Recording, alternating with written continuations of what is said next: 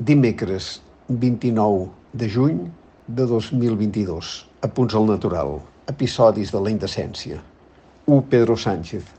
Cal ser dur amb la immigració. Darrere hi ha les màfies, diu Margarita Robles. I si és així, per què no s'actua sobre les màfies? O és que en el marc internacional la juga amb segons la conveniència?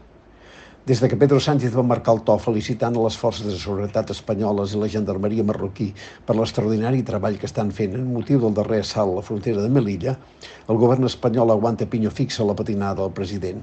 Fins i tot mm, la portaveu Isabel Rodríguez impedia davant els periodistes que Irene Montero contestés preguntes per tal de no trencar l'harmonia la necessitat de Pedro Sánchez de trobar fets que justifiquin el seu pacte de claudicació amb el rei del Marroc és tan gran que va córrer a expressar el seu entusiasme per l'operació de Melilla sense saber o voler saber les desmesures de les forces repressives marroquins. Ni tan sols les informacions que han anat confirmant la dimensió de la tragèdia l'han fet rectificar. Lamentem la pèrdua de vides humanes, en aquest cas de persones desesperades que buscaven una vida millor i que són víctimes i instruments de màfies i delinqüents que organitzen accions violentes contra les nostres fronteres, ha dit a l'avantguàrdia, tot reiterant l'agraïment a les forces i cossos de seguretat d'Espanya i de Marroc, és a dir, felicitant els que van provocar la matança.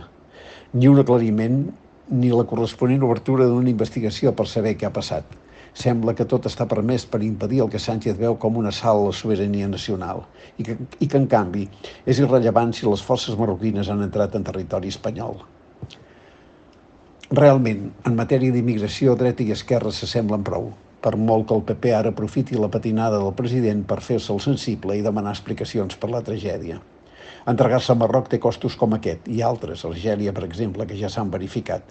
I Sánchez s'ho podia haver imaginat quan va rendir tribut al monarca en un xocant acord anunciat per l'altra part. De moment ja li han fet saber amb qui tracta i hauran constatat que el tenen atrapat. No, no val tot contra la immigració per més que hi pugui haver un sector de l'electorat que ho aplaudeix.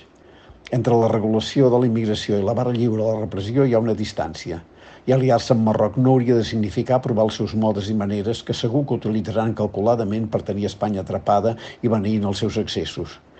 Trist negoci, que desdibuixa una mica més la figura del president ja prou a la baixa ara mateix i situa Unides Podem en la corda fluixa, atrapats en una incòmoda prudència.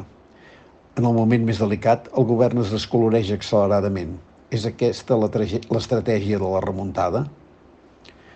2. Antonio Garamendi. Però la verdadera oposició al títol de campió mundial de la infàmia l'ha fet Antonio Garamendi, president de la COE, citant una frase del pastor luterà Martín Milloner, que ell ha atribuït erròniament a Bertolt Brecht per respondre a les insinuacions del govern de pujada de l'impost de societats a les companyies elèctriques.